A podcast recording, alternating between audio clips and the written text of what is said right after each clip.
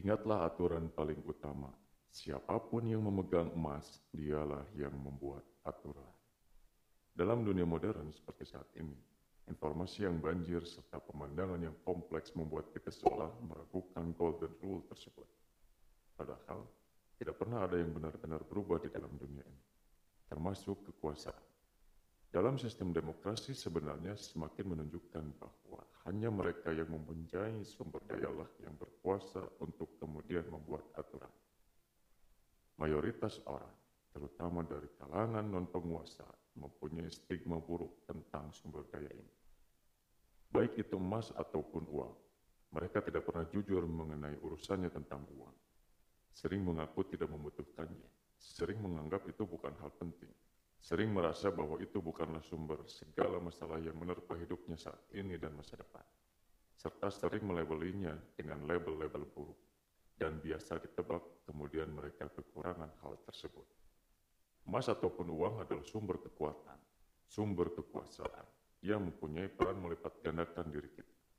Kita yang baik akan dilipat gandakannya dengan uang, begitu juga dengan diri kita yang buruk akan dilipat gandakannya oleh uang. Uang tidak pernah merubah sifat seseorang, ia hanya memperjelasnya. Menghindari uang adalah hal bodoh yang karena itu hanya membuat kita dikejar-kejar oleh masalah. Sedangkan mengejar-ngejarnya pun bukanlah hal yang baik, karena kita hanya akan berujung dengan menukar harta paling berharga kita yang bernama waktu. Dengan jumlah uang yang sangat sedikit sekali. Maka solusinya adalah diperlukan sebuah kecerdasan finansial untuk menaklukkan uang ataupun emas ini. Karena jika tidak, maka kitalah yang ditaklukkan. Dan sayangnya hanya ada dua pilihan. Saking powerfulnya emas ataupun uang tersebut dalam mempengaruhi hidup manusia, Allah Subhanahu wa taala memerintahkan kita untuk mensucikannya sebagaimana yang termaktub di dalam Al-Qur'an surat At-Taubah ayat 103 ambillah sodako dari harta mereka guna membersihkan dan mensucikan mereka dan berdoalah untuk mereka. Sesungguhnya doamu itu menumbuhkan ketentraman jiwa bagi mereka. Allah maha mendengar, maha mengetahui.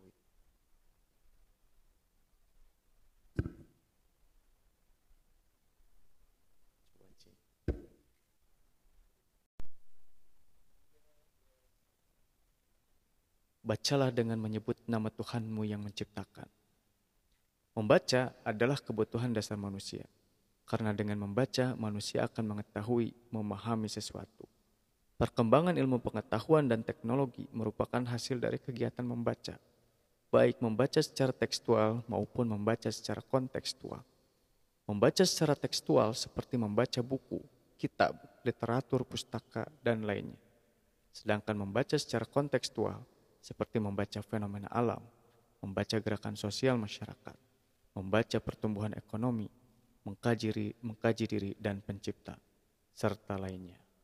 Allah Subhanahu wa taala berfirman dalam Al-Qur'an surat Al-Alaq ayat 1, "Bacalah dengan menyebut nama Tuhanmu yang menciptakan." Di dalam ayat tersebut, Allah memerintahkan kepada manusia untuk membaca dan mengkaji dan mengaji diri juga kita telaah dari ayat lain dalam Al-Quran.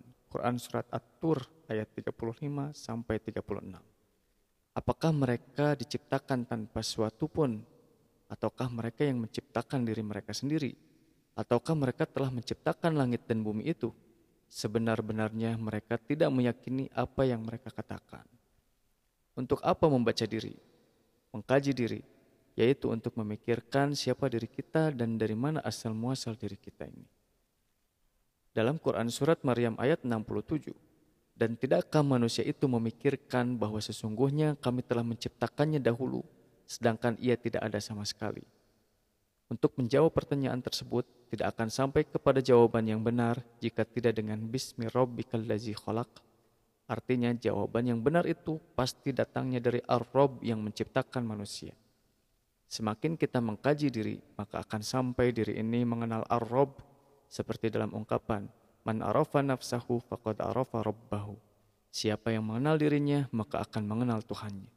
Jadi, mari sering-seringlah kita membaca, mengkaji, menelaah baik secara tekstual maupun kontekstual. Allahu a'lam bishawab.